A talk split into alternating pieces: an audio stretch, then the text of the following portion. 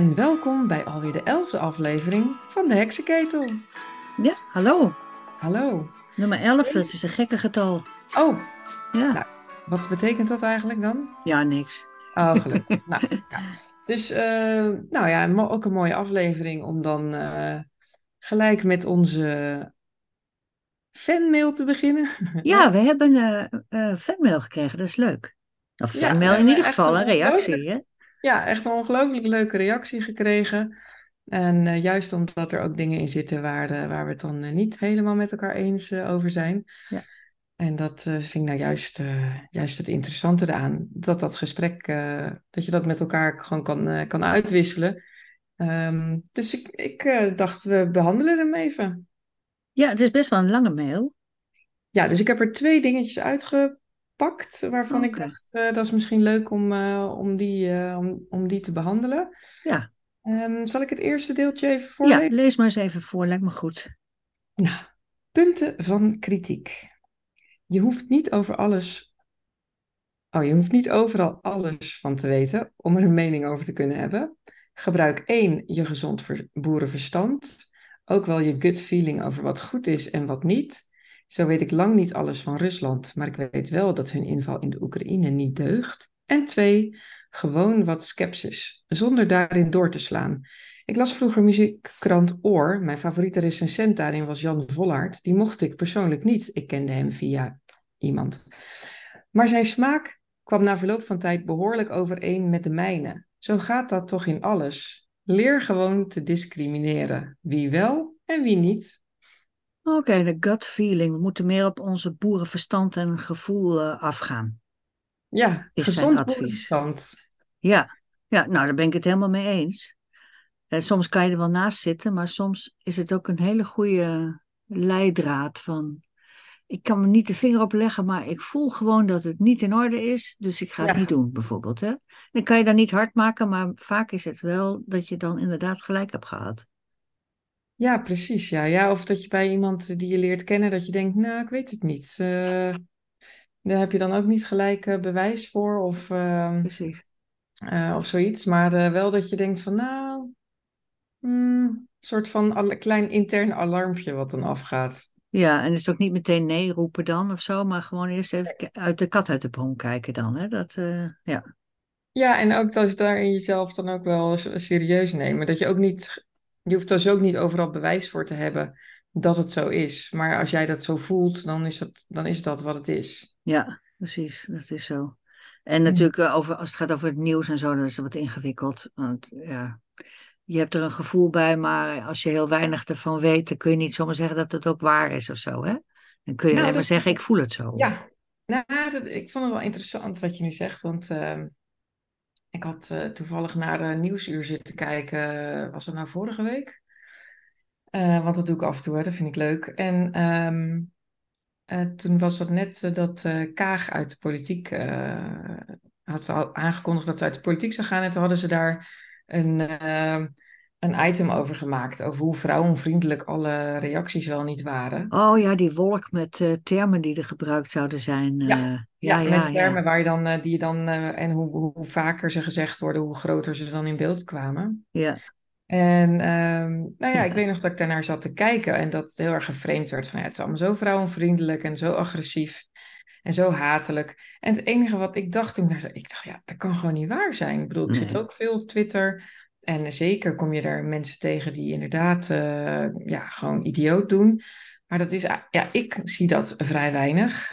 Alleen, Mhm. ik zie wel veel reacties inhoudelijk waarin mensen het dan niet met elkaar eens zijn of met een hele andere politieke overtuiging. Nou ja, dat kan. Ja en over was- haar arrogantie bijvoorbeeld ook wel, hè? Maar dat heeft verder niks te Ja. maken met eh, haat of zo. Nee, of met haar vrouw zijn. Ik bedoel, Nee, nee, bij eh, eh, Frans Timmermans nu. Ja, Wat ik zo interessant vond, was dat ik dat zat te kijken en toen dacht ik, ja, dat kan niet waar zijn. Maar ja, weet Mhm. je, ik- hoe ik naar het nieuws kijk is toch van, ja, nou ja, zij zien het zo, zij eh, denken dit goed te doen op deze manier. En eh, ja, daar ga je toch niks aan veranderen, een beetje gelaten. Maar er was dus iemand op Twitter gewoon, die is dat helemaal gaan factchecken en dat blijkt gewoon ja want, want zij kwamen dus met een, eh, met een eh, onderzoek. Hè? Het was niet zo dat ze dat maar zeiden, maar ze zeiden dat het onderzocht Ja. was. Ja, en toen Dus dan ze moet later, het toch ja, wel een beetje kloppen. Ja, dat moet, natuurlijk moet het kloppen als je het zo brengt, alsof dat ze echt met de grond gelijk wordt gemaakt. Dus het vond ik echt ongelooflijk goed dat dat gedaan werd, dat het zo ge, uh, werd gefactcheckt. Dat ze hebben echt gewoon moeten rectificeren. Ja, ja, ja precies. Dus er was nog iemand met dat... dat is... Nog hm? iemand met jouw gevoel, die dacht van dat kan niet kloppen, ik ga dat eens even ja. controleren. Heel goed. Ja, dat vond ik echt heel goed. En maar vooral ook omdat ik ik, ik weet nog dat ik ernaar zat te kijken en ik dacht, ja, nou ja, weet je, er zijn heel veel mensen zijn het niet met haar eens, zeker weten. Maar dat heeft niks met haar vrouw zijn te maken. Dat heeft alles met inhoudelijk politiek te maken, hoe zij, uh, waar, zij in gelooft en waar die andere mensen in geloven. Ja. Maar ja, het zal wel. Totdat hij dan kwam met zijn hele debunking. Mm En ze echt wel diep door het stof hebben gemoeten, omdat het gewoon niet klopte. Nee. Dus dat... Hebben ze dat dan gewoon uit de duim gezogen eigenlijk, vroeg ik me af? Ja, ze hebben dingen vergroot. Dus oh, uh, dingen die. De, en of ze ook echt dingen hebben verzonnen, dat, dat, dat zou ik eens even moeten nakijken. Maar ja, ik weet niet. Uh, volgens mij, kijk, als jij uh, uit duizenden reacties er eentje pakt die, uh, die iets heel lelijk zegt, dan is dat één reactie. Dat, is, dat, is, dat, is, dat, wil niet, dat zegt niks over de gemene deler natuurlijk. Niet representatief. Dat is niet representatief, nee, het is gewoon een outlier. Dus daar, daar, kan, je niet, uh, daar kan je dan niet zo'n item op maken. En dat hebben ze wel wat, ze, wat ze gedaan hebben. Ja. Dat vond ik wel, uh, wel mooi. Dat is een mooi voorbeeld van een gut feeling, hè? Ja. Dat je dan uh, inderdaad, ja, vind ik ook. Ja, dat heb ik wel vaker met nieuwsitems of, of screenshots die mensen dan delen. Dan denk ik wel eens, nou, dat kan niet kloppen. Ja ga ik dat opzoeken en 9 van de 10 keer klopt het inderdaad niet. Nee, ofwel het is fake, ofwel het is, heeft een andere context. Hè, als, je dat, als je dingen eruit knipt of je, je doet alleen maar een bepaald stukje selecteren, ja, dan krijg je natuurlijk een heel ander, uh, ander beeld van iets. Nou, in, in die reactie van, eh, in, in deze mail staat ook van uh, wie, wie het zegt, maakt ook wat uit. Je ja. moet gewoon leren te discrimineren, zegt uh, deze schrijver. Wie wel of wie niet. En dat, dat doet de omroep natuurlijk ook. Die zegt, nou ja, wat, wat, uh, wat uh, iemand van rechts zegt, daar hoeven we niet naar te luisteren. En wat iemand van links zegt, daar moeten we wel naar luisteren. Ja? Klopt, precies. Ja, dat is, dus, dat is inderdaad wat, wat je dan vaak ziet gebeuren. Ja, maar ik heb dat ook hoor. Dat ik, ik heb ook, uh, de, de een geloof ik wel en de ander geloof ik niet. ja, ja, dat, is, dat gebeurt natuurlijk. Ja. Nou ja, sowieso als je al weet dat iemand uh, dingen gezegd heeft of gedaan heeft die niet kloppen of niet juist zijn of gelogen zijn of whatever, ja, dan uh, zeker.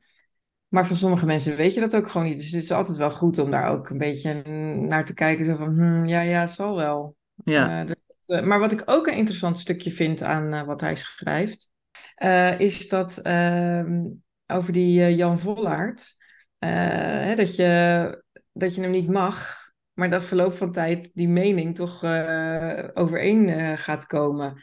Dat zijn natuurlijk ook wel dingen. Ja. Vind ik ook wel interessant. Want je merkt nu, ik merk nu vaak wel dat uh, het heel fijn is om iemand te vinden waar je het dan helemaal mee eens bent. Ja. Maar zodra je dan wat meer uit elkaar gaat of wat meer op momenten tegenkomt waarop je het dus niet met elkaar eens bent, soms best wel lastig. Ja, ja. Maar ja, wat hier aan de hand is van, je mag iemand niet en toch blijk je hetzelfde te denken. Ja. Dat is wel weer grappig, is eigenlijk andersom, hè? Ja, ja, het is eigenlijk andersom, ja, inderdaad. Maar het is, het is een soort van een dezelfde dynamiek, dat je... Ja, dat, dat, hoe reageer je op mensen die, uh, die, die het niet met je eens zijn? Ja. En leer gewoon te discrimineren. Ja, en je gut feeling te gebruiken. Goed ja, advies.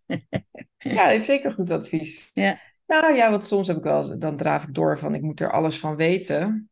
En uh, ja. voordat ik een mening mag hebben. Of een uh, idee erover. Dat, ik vond het wel verfrissend. Ja, dat vind ik ook. Altijd Het kan gewoon zo zijn dat je, dat je zoiets hebt van, nou ja, op de basis van de informatie die ik nu heb, is dit mijn, uh, mijn oordeel hierover of mijn mening. En je kan altijd nog bijstellen als je er meer over leest of zo. Dat is, dat is niet voor de eeuwigheid natuurlijk, hè? Nee, klopt. Dat is, dat is dus wat ik heel erg de laatste periode heel sterk geloof. Ik ben ook zo anders in mijn denkbeelden nu dan vroeger. Dus dat daarin weet ik gewoon dat dat verandert. Dat is niet statisch, of in ieder geval bij mij niet. Nee, bij mij ook niet. Nee. maar... ja. Dus dat vond ik een mooie, Ja, die steken we in onze zak, zeg maar. ja, een mooie om mee te nemen Ja, precies, nemen we mee. voor de rest van ons leven. Ja. Nou, er is nog wel een eh, mooie, welke ik ook nog even met jou wilde, wilde bespreken. Dat ging dan over eh, ehm, Thomas Jefferson. Mhm. Dus eh, ik zal hem nog even voorlezen. Thomas Ja. Jefferson zei destijds in de 18e eeuw al dat de meest wenselijke grootte voor een stad 58.000 zou zijn, omdat het daarboven zou leiden tot apparatchiks en anoniem bestuur. Waarom was ik vroeger voor de Democraten in de VS? En dat ben ik nog steeds, omdat ze destijds vooral de zuidelijke staten een korte lijn tussen burger en bestuur voorstonden. Later, in de jaren 50, zochten de Nederlandse bouwmeesters in de grote steden naar woonoplossingen waarbij het dorpsgevoel inherent aanwezig was. Zoals in Osdorp en Slotervaart. In Engeland zaten, zagen we dat ook bij de zogenaamde tuinsteden rondom Londen. Veel groen, alles, zowel scholen als voorzieningen binnen 500 meter van je voordeur. Hm, dat is heel, heel dichtbij, hè? Ja. Ja, dat is zeker heel dichtbij. Ja. Nou ja, ik ben nog gewend dat ik inderdaad eh, gewoon naar school wandelde. Ja. Vroeger. Ja, ik, precies. Ja, lopend, hè? Veel. Ik Ja. ging lopen naar school, ja. En je En ik woonde heb, toch in de stad? Ja, ik heb dus in zo'n tuinstad gewoond, ook eh Tuindorp Vreewijk. Ja. Daar, daar, ben ik, eh, daar heb ik tot mijn zesde gewoond en daarna ben ik in het centrum eh, van Rotterdam gaan wonen. En daar liep ik ook gewoon naar school. Ja, precies. Dat is wel heel fijn als je dat hebt zo. Dat, dat vind ik wel. Ja, het was wel een tijd dat het nog wat minder druk was, het verkeer. Ja, En dat je dus gewoon ook kon oversteken. Of, ja, we- hadden wij ook wel van die klaarovers, weet je dat nog? Of had je dat, weet je dat niet? Oh ja, nee, dit hadden wij niet. Nee, Nee. eh, wij hadden dan hè, drukke weg, dat liep door Haren, van eh, druk, de Rijksstraatweg door Haren. Dat was een drukke doorgaande weg naar de stad Groningen. En dan de ene helft van de school, die woonde aan de ene kant van die weg. En de Ja, andere aan de andere kant. En de kinderen die dus moesten oversteken, die, die, worden, die werden dan s'morgens eh bij het komen geholpen door klaarovers. Dat waren van die kinderen met van die opvallende jassen en met van die, hoe heet die dingen ook alweer? Ja, zo'n eh, bordje. ja, zo'n bordje, precies. Ja, Ja, leuk. spiegelei heet dat geloof ik. En dan kon Ah, je dan ook klaarover worden. En ik wou dat ook, maar ja, ik woonde aan de goede kant. ah, Ja, dus ik eh, hoefde zelf nooit over te steken. En dan, ja, dan was het eigenlijk niet nodig. Dus eh, helaas, die, ah, die carrière heb ik gemist. Nou, Ja, maar tegenwoordig worden de meeste kinderen eigenlijk gebracht. Hè? Dat, dat Ja, geeft heel veel eh, achterbankgeneratie. eh, ja, geeft heel veel verkeersdruk in de, in de wijk. Ja, Dat klopt. eh, een heel ander verhaal. Maar dat is ook omdat het zo. Het is een soort, ja, een soort visieuze cirkel van ze zeggen, ja, het verkeer is zo druk. En vervolgens Mhm. gaat iedereen met de auto naar die school, dus is het verkeer ook zo druk. Ja, Ja, dat is ook, dat is ook gewoon een idioot. Nou, ik moet wel zeggen dat ik één keer is mij wel het leven gered door een, eh, oh, iemand die eh, met mij meeliep. Eh, want ik, ik woonde vrij dicht bij school, maar ik moest wel een drukke straat oversteken. En ehm, ja, dan heb je zo'n situatie dat je op een zebrapad loopt. ja. Eén auto stopt netjes voor de mensen die oversteken. En de andere auto van de tweede baan die rijdt gewoon keihard door. Oh ja, ja, ja. Ja, en eh, toen was er wel iemand. En eh, nou ja, die persoon eh, ben ik eeuwig dankbaar. Die mij eh, tegenhield me- om door me bij mijn schouder te pakken. En Oh, toen wauw. race Ja. er een auto voorbij. Maar die kon ik natuurlijk niet zien, want ik zat laag. Dus ik keek niet over die auto's heen. Nee, nee, precies. Wauw. Wat Ja, eh, een tegenwoordigheid van geest van die persoon. nou, goed. fantastisch hè? Ja, Ja, ja, ik vind het echt, eh, de- als ik daar aan denk, dan denk ik, oh, dat ja. echt gewoon geschept. Nou, inderdaad. Ja, dus, dus dat, eh, dat weet ik nog wel. Maar het feit dat ik dus altijd lekker naar school kon wandelen, dat was altijd wel heel bijzonder. Ja, Ja, dat vond ik niet bijzonder, maar achteraf nu denk ik, ja, dat, dat dat inderdaad toen. Ja, precies. wat, eh, wat hier omschreven wordt. Ja. De schrijver heeft het over Thomas Jefferson. Thomas Ja, Jefferson. En dat is volgens mij een van de founding fathers van eh, de Verenigde Staten. mhm. Van de Declaration of Independence, hoe heet dat ding ook alweer? Ja, hij was de derde president en ont, de, het, wel- het ontwerp van die onafhankelijkheidsverklaring eh, was grotendeels zijn verdienste, heb ik gelezen. Oké, ja, hij heeft heel veel geschreven, geloof ik. En dus blijkbaar onder andere ook eh, hoe groot een stad zou moeten zijn. Maar die, trouwens, die, die, eh, ehm, die ver- onafhankelijkheidsverklaring die is eigenlijk gebaseerd op een, de, het Nederlandse plakkaat van verlatingen. Dat, eh, nou, een eeuw eerder, denk ik. twee eeuwen eerder was Ja? opgesteld in eh, Nederland. Waar, waarna de republiek eh, is ontstaan hier. Ken je dat? Plakkaat van Nee, ik ken het verlating? niet. Nee. Oké, want een paar jaar geleden was daar een, eh, een eh, ja, wat was het? Een soort wedstrijdje van wat is het mooiste pronkstuk in het museum. Ja? En toen heeft deze gewonnen en daardoor ben ik daar iets over gaan lezen. En in dat plakkaat van verlatingen, daar, daar staat eigenlijk dat je het recht hebt om een, een vorst of een, een, een tiran weg te sturen als hij niet langer in dienst van, ten dienste van het volk eh, eh, Oh, opereert. Nou, dat is hartstikke actueel, toch? heel actueel. Ja, en dat hebben ze natuurlijk in die Verenigde Staten in de, in de grondwet ook opgenomen. Dat, dat van je moet afscheid kunnen nemen van, of je moet je kunnen verdedigen tegen Ja, is dat eh, Second Amendment, eh, van dat ze wapens mogen dragen? Ja, nou, die grondwet ken ik niet uit mijn hoofd hoor. Maar eh, Nou ja, daar hoor ik wel eens wat over, eh, dat daar over is. ja, ja, Uh, oh ja, a well-regulated militia being necessary to the security of a free state. The right of the people to keep and bear arms shall not be infringed. ja, moeilijke woorden. Ja, Oh, zo ja. ja, maar dat, eh, eh, eh, hoe heet het, eh, die, die Nederlandse tekst van eh, 1581, die heeft dus eh, onder andere Thomas Jefferson geïnspireerd om dat ook zo op te schrijven. Zeg maar ook die verlichtingsidealen van de pursuit of happiness en zo, dat soort dingen. Ik weet niet wat er allemaal in staat. Maar... Dat is daarop gebaseerd. Nou ja, geïnspireerd. Oh ja. Ja. Dus dat is... Er zijn een aantal stukken van die tekst die ze ook eh, echt gewoon hebben overgenomen. Ik weet natuurlijk niet precies welke. Zo'n studie heb ik er dan weer niet van gemaakt. Nee. Maar er zijn wel tekstdelen van vooral het principe dat burgers het recht hebben om hun vorst te, te verlaten. Als die eh, de, de vrijheden en, en de, eh, de rechten van de burgers niet meer respecteert. Mhm. En dat is natuurlijk heel mooi. Oh, oké. Dus eigenlijk is dat dan toen geboren vanuit de noodzaak om iemand af te zetten? In Nederland, ja. Ja. De- hoe heet die, die, die eh, Spaanse overheerser, Oh. die Philips II of zo was dat? Oh ja, Die, ja, ja, ja. Ja, die moest maar, die, die, die deed gewoon, die deed geen goede dingen. Hè? Oh ja, oké. Oh, wat het was een, rot, een rotkoning was dat. Ja, het was een klote koning. Ja, Oh, daar heb ik echt nog nooit van gehoord, joh, van dat plakkaat van oké, verlatingen. dat, het hangt ook in, eh, in de, ze hebben het nu ook in de Tweede Kamergebouw opgehangen, geloof ik. Toen dat dus Ah, een pronk, pronkstuk werd, dan hebben ze daar een eh, Ah, kopietje van opgehangen. Ja. Het recht van opstand, daar gaat het over. Als de koning zijn plichten jegens het volk niet nakomt en zich als een tiran gedraagt. oh, Dat vind ik nou echt mooi eh Nederlandse eh, ja, pronkstuk.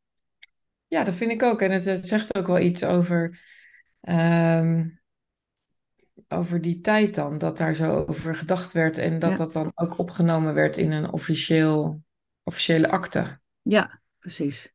Dat, Want eh, het is dus de onafhankelijkheidsverklaring van Nederland dan. ja, zo zou je het kunnen zeggen. Ja. En dat eh, deze was natuurlijk vooral papier. Want Mhm. eh, ze gingen vervolgens op zoek naar een andere vorst. Ik geloof dat ze nog in. Parijs eh, zijn gaan zoeken van wil jij misschien onze koning worden? Echt waar. ja, en Willem van Oranje, nou die was net dood, dus dat ging ook niet. Dus uiteindelijk, toen zijn ze maar republiek geworden.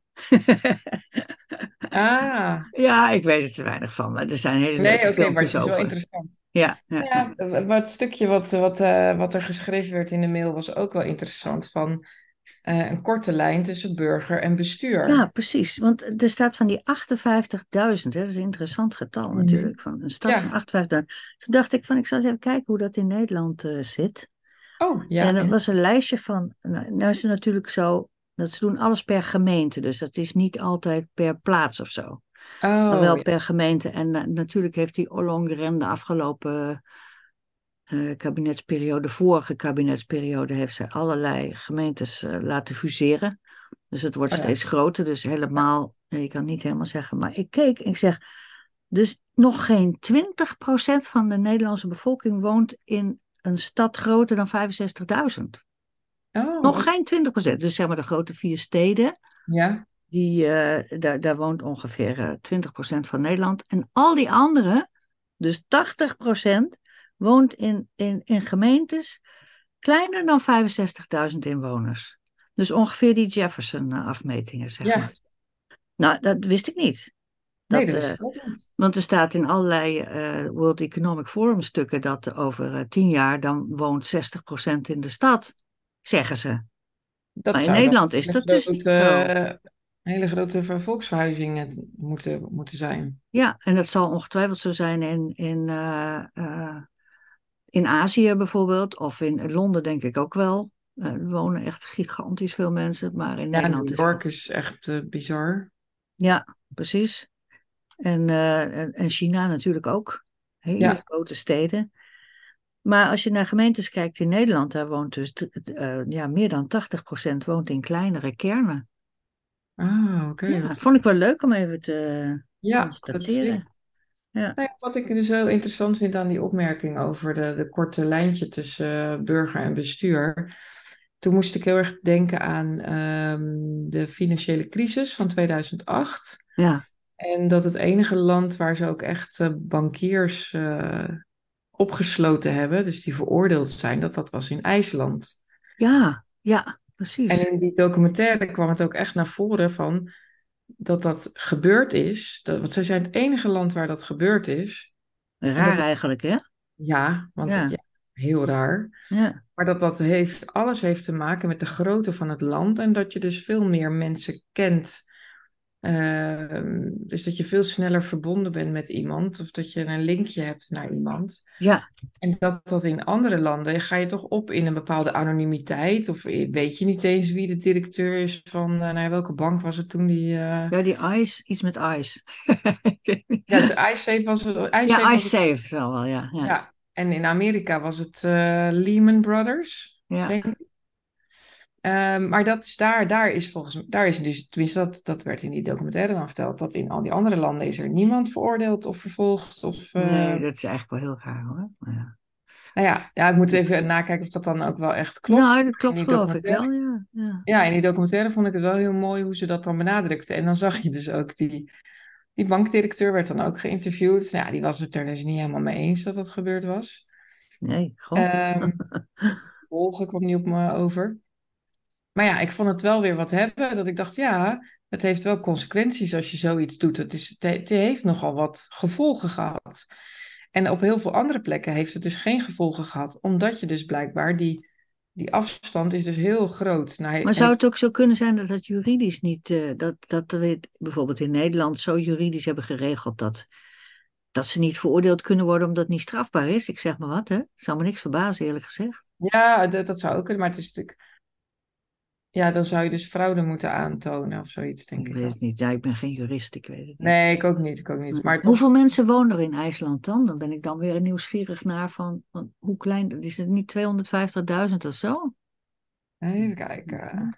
Wat gaan we zeggen? Ja, check dat eens IJsland wonen 372.520 mensen. Oké, dus dat zou misschien twee, als je zegt je hebt twee steden van elk 150, nee, dat is toch wel groter dan wat Jefferson zegt. Ja, die wonen natuurlijk niet allemaal in een stad. Nee, nee. Maar is- het is natuurlijk wel klein, want wij hebben 17 miljoen inwoners. Ja. Toch 18 miljoen inmiddels. 18, ja, ja. Ja, dat is een heel ander verhaal. Maar Dat wij is- hebben weer geen vulkaan, hè? Dat is weer een... Oh ja. Ja. Oh, dat was toen ook, ja, toch? Dat we niet mochten vliegen met z'n Ja, ja. Ja. Ik weet dat ik dat heel bijzonder vond, dat je naar boven keek en gewoon geen enkel vliegtuig zag. Dat kan ik me nog herinneren daarvan. Vond ik wel Ja. mooi. Ja. Maar in ieder geval, die korte lijn dus tussen burger en bestuur, dat is iets waarvan ik nu ook wel zie dat er veel te veel, de, de, gemeentes worden groter. Hm. Zou dat de bedoeling zijn groter. ook? Dat de burger wat minder eh, druk uitoefent. Dat die Ollongren dat allemaal heeft zitten doen om die burger wat meer op afstand te zetten. Dat zou maar zo kunnen. Nou ja, de reden, redenen die ze er natuurlijk voor geven is omdat het eh, veel efficiënter zou zijn. Ja, dus dat, het, het blijkt dat dat nog nooit het geval is geweest. Hè? Nee, Nee, het kost nog geld. een, eh, een boek over geschreven. Wat was dat voor boek? Ja, eh Pepijn van Over Houweling. schaalvergroting? Of... Oh ja, ja. Hoe heet het ook mic- Ja, het niet. microfobie of zo. Microfobie? Microfobie.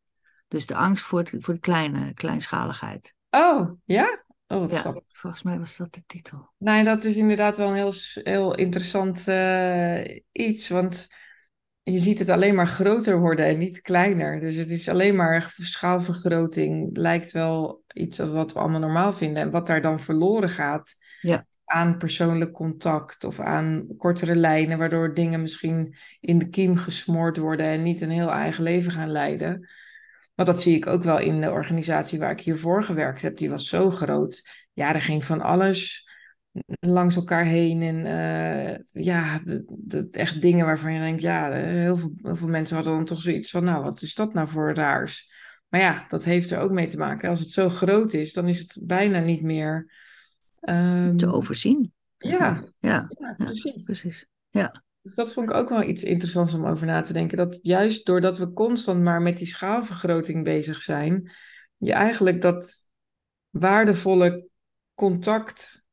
Nou ja, het is Eh, natuurlijk de invloed ook van dat hele globalisme. Van, van dat je dus, zeg maar, Google en Facebook en weet ik veel, die zijn dus wereldwijd. Alles is wereldwijd aan het worden en dat is zo gigantisch groot. Dat je niet meer, eh, ja, dat je, zeg maar, die binding, de lokale binding gewoon helemaal niet meer eh, hebt. Nee, klopt. En wat je dan ziet is dat bijvoorbeeld, eh, dan, gaan, dan wordt er natuurlijk wel een soort volksraadpleging gedaan. Hè? Stel, ik weet dan bijvoorbeeld een goede vriendin van mij, die had in haar wijk, kregen ze een opvang voor de probleemjongeren. Oh ja, Eh, ja, dus eh, er was een stukje groen. En daar gingen ze dan van die containers plaatsen. Terwijl er was altijd afgesproken met alle bewoners dat er nooit iets zou komen. Nou ja, dan komt er dus een, eh, een volksraadpleging, informering, of hoe je dan zo'n avond wil noemen. En dat, eh, een voorlichtingsavond noemen ze dat. Voorlichtingsavond, ja, precies. Ja. En, ik- en dan is zit daar zo'n eh, zo'n ambtenaar, zo'n vrouw die, waarvan zij, zij dan zei van, ja, weet je, die woont ergens in Kralingen of eh, Heel ver weg. heel ver weg, eh, waar ze dat allemaal niet hebben. En het wordt je gewoon door je strot geduwd. Ja, Ja, toen dacht ik wel, ja, weet je, met alle gevolgen van dienen. En dan wordt er beloofd van, ja, maar we gaan extra surveilleren, we gaan extra dit, extra dat. Terwijl er wordt nog, er wordt nog steeds gedeeld op de parkeerplaats. En daar is ook al vaker wat van gezegd. En daar kan de politie ook geen paal en perk aan stellen. Dus toen Ja. dacht ik, oh ja, dit is dus... En als je dat zelf nooit tegen het... Als je dat niet zelf aan de lijve hebt ondervonden, dan, dan blijft dat een soort van... Dan heb je nog een soort van idee van, ah nee, dat kan toch niet? En zo gaat dat niet. Ja, nou, wij zijn natuurlijk eh, kinderen van de 20e eeuw en toen was inspraak heel, eh, Ja, heel belangrijk en heel, eh, ja, er werd heel veel tijd aan besteed en er waren altijd allerlei rondes van inspraak. En eh, nou, in de 21e eeuw is die eigenlijk ja, buiten werking gesteld, zou je kunnen zeggen, door die, eh, door die wet, eh, hoe heet die ook alweer? De mhm en herstelwet. Die is ontstaan na 2008, na die crisis. Van nou, we moeten eigenlijk zorgen dat we niet weer twintig jaar met inspraak bezig zijn om nieuwe opbouw eh, te. nieuwe wegen aan te leggen of eh, gewoon infrastructurele projecten. ja, Eh, dat kunnen we heel snel. Dus dan, dan beslissen we gewoon. En nou, dat moet wel heel gek zijn als het niet doorgaat. Dan moet er echt Ja. een bezwaar. We bouwen gewoon en dan moet je naar de rechter of zo. Oh, de crisis- wordt- en herstelwet. Crisis- en herstelwet, precies, dat is hem. Die wordt nu overal gebruikt om Hm. eh, gewoon de, te omzeilen dat je ook überhaupt nog iets aan burgers moet vragen. Dus je kan achteraf kan je nog bezwaarschriften indienen of je kan nog eh, naar de rechter of zo. Maar die inspraakprocedures die zijn gewoon stilzwijgend eh, naar het grote prullenbak eh, verwezen. Is mijn stelling. Ja, Dus Nou, wij, maar wij zijn, wij zijn opgegroeid in die tijd dat dat nog wel eh, de gewoonte was om inderdaad met de buurt te overleggen en zo. ja. En, Ja, eh, nou, ik heb ja. ook heel vaak van dat, ik heb wel heel vaak van dat soort inspraakdingen wel gedaan vanuit Ja. mijn werk. En dat vond, en dat heb ik altijd heel belangrijk gevonden. Eh, maar wel in de goede vorm. Hè? Dus dat je eh, één wel weet dat je iets te vertellen hebt al. En twee, dat de plannen nog niet vast liggen. Want als de plannen al vast liggen, dat, dat, eh, daar komen mensen natuurlijk gelijk achter. Dan, ben je, ben je, dan sta je op achterstand. Ja. Maar dat was altijd heel lastig hoor. Tuurlijk, want het, het is natuurlijk NIMBY, hè, dat not in my backyard eh, principe, wat nog steeds geldt. Van, nou, er zijn gemeenten moeten eens een keer iets ergens neerzetten. En ze weten nu al van waar we het ook doen, is altijd eh, verzet. Altijd. Ja. Dat geldt voor asielzoekerscentra, maar dat geldt ook voor fabrieken of voor nieuwe wegen die dwars door wijken moeten of wat dan ook. Ja, Dus- of in en- mijn en- geval dan dat er ges- gesloopt werd. Hè, de Ja. woningen waren gesloopt. En dan moest je natuurlijk huurders uitverhuizen. Die... Ja. Ja, dat, dat ging altijd, Altijd eh, verzet natuurlijk. andere- Ja. Ja. Ja. Ja, en dan had je ook wel eens, dat weet ik nog wel, had, verschrikkelijk was dat. Er, daar had ik dan altijd zo'n hekel aan. Als je dan zo'n inspraak, zo'n voorlichtingsavond had dan. Ja. Dan met zo'n grote tafel voor die mensen gaat zitten. En dan, dat, Oh ja, dan- naast elkaar, ja. ja, dat je dan, eh, eh, dat moet je nooit op die manier doen. Want dan komt er altijd iemand aan het woord die gewoon amok wil maken. Ja, En eh, dan verlies je het. Nee, dat, dat, dat, dat was, dat was echt gewoon. ik weet nog dat ik daar zat, dat ik echt dacht: oh mijn hemel, dit, hier heb ik helemaal geen zin in. Nee. Het leidt vaak ook tot niets, hè? Alleen maar tot conflict. Oh, heel veel onrust, ja. Heel Ja. Veel. Ja, dus dat, dat is wel echt eh, heel slecht ook als je dat niet goed in, eh, inkleedt. En wat je krijgt is dat mensen die dan al niet heel veel inspraak hebben of niet heel erg het idee hebben dat ze heel veel invloed hebben op hoe hun eigen leven loopt, die worden alleen maar eh, getriggerd. Want ja, er is weer zo'n voorbeeld. Dat snap ik ook heel goed. Ja, ja. ja, tegelijkertijd zijn de gemeentes ook heel hip bezig met interactieve projecten en zo. Verzamelen van ideeën uit de buurt en dat soort dingen. Ja. Dat, dat is dan weer de, de andere kant van het verhaal. Niet dat daar veel van terechtkomt, meestal. nee, Want niks. ideeën genoeg, maar die zijn allemaal onbetaalbaar. Ja, en Ja. ook eh, dat, eh, er worden ook voorwaarden aangesteld. Dat, eh, dan, dan denk je, ja, hoe kan je het enthousiasme uit iemand slaan? Hè? Dus Ja, de ja, ambtenaar die duur betaald wordt, die kan dat dan regelen. Die gaat dat dan initiëren. En dan een bewoner die daar, die moet dan aan allerlei dingen voldoen. Ja, die heeft er al helemaal geen zin meer in, voordat hij eraan begonnen is. Ja, ja, precies. Dus dat is meer voor de bühne, hè? Van nou, we Ja, doen de dingen samen met de burgers. ja, Maar het is meer een poppenkast dan dat het echt leidt tot iets. Ja. Nou, prove me I'm wrong. Ik, eh, eh, schrijf me een e-mail, schrijf Oh, ons een e-mail als je het er niet mee eens bent. Nou, misschien moet je dan heel even het e-mailadres Oh eh, vertellen. Nou, dat is heksenketelpodcast at gmail.com. Heksenketelpodcast gmail.com. Hartstikke leuk. Nou, we verwachten heel veel post. Ja, heel graag. Tips, suggesties, opmerkingen, kritische noten. Ja. We willen ze allemaal graag horen. Hartstikke leuk. In ieder geval bedankt de anonieme Ja, luisteraar die leuk. als eerste spits heeft afgebeten. Ja, dat vond ik ook heel interessant en eh, geeft ons weer goed stof tot eh, nadenken. Zo is het. Nou, dat was hem weer eh, ja, super. Oké. Dankjewel. Ja, jij ook bedankt. Doei.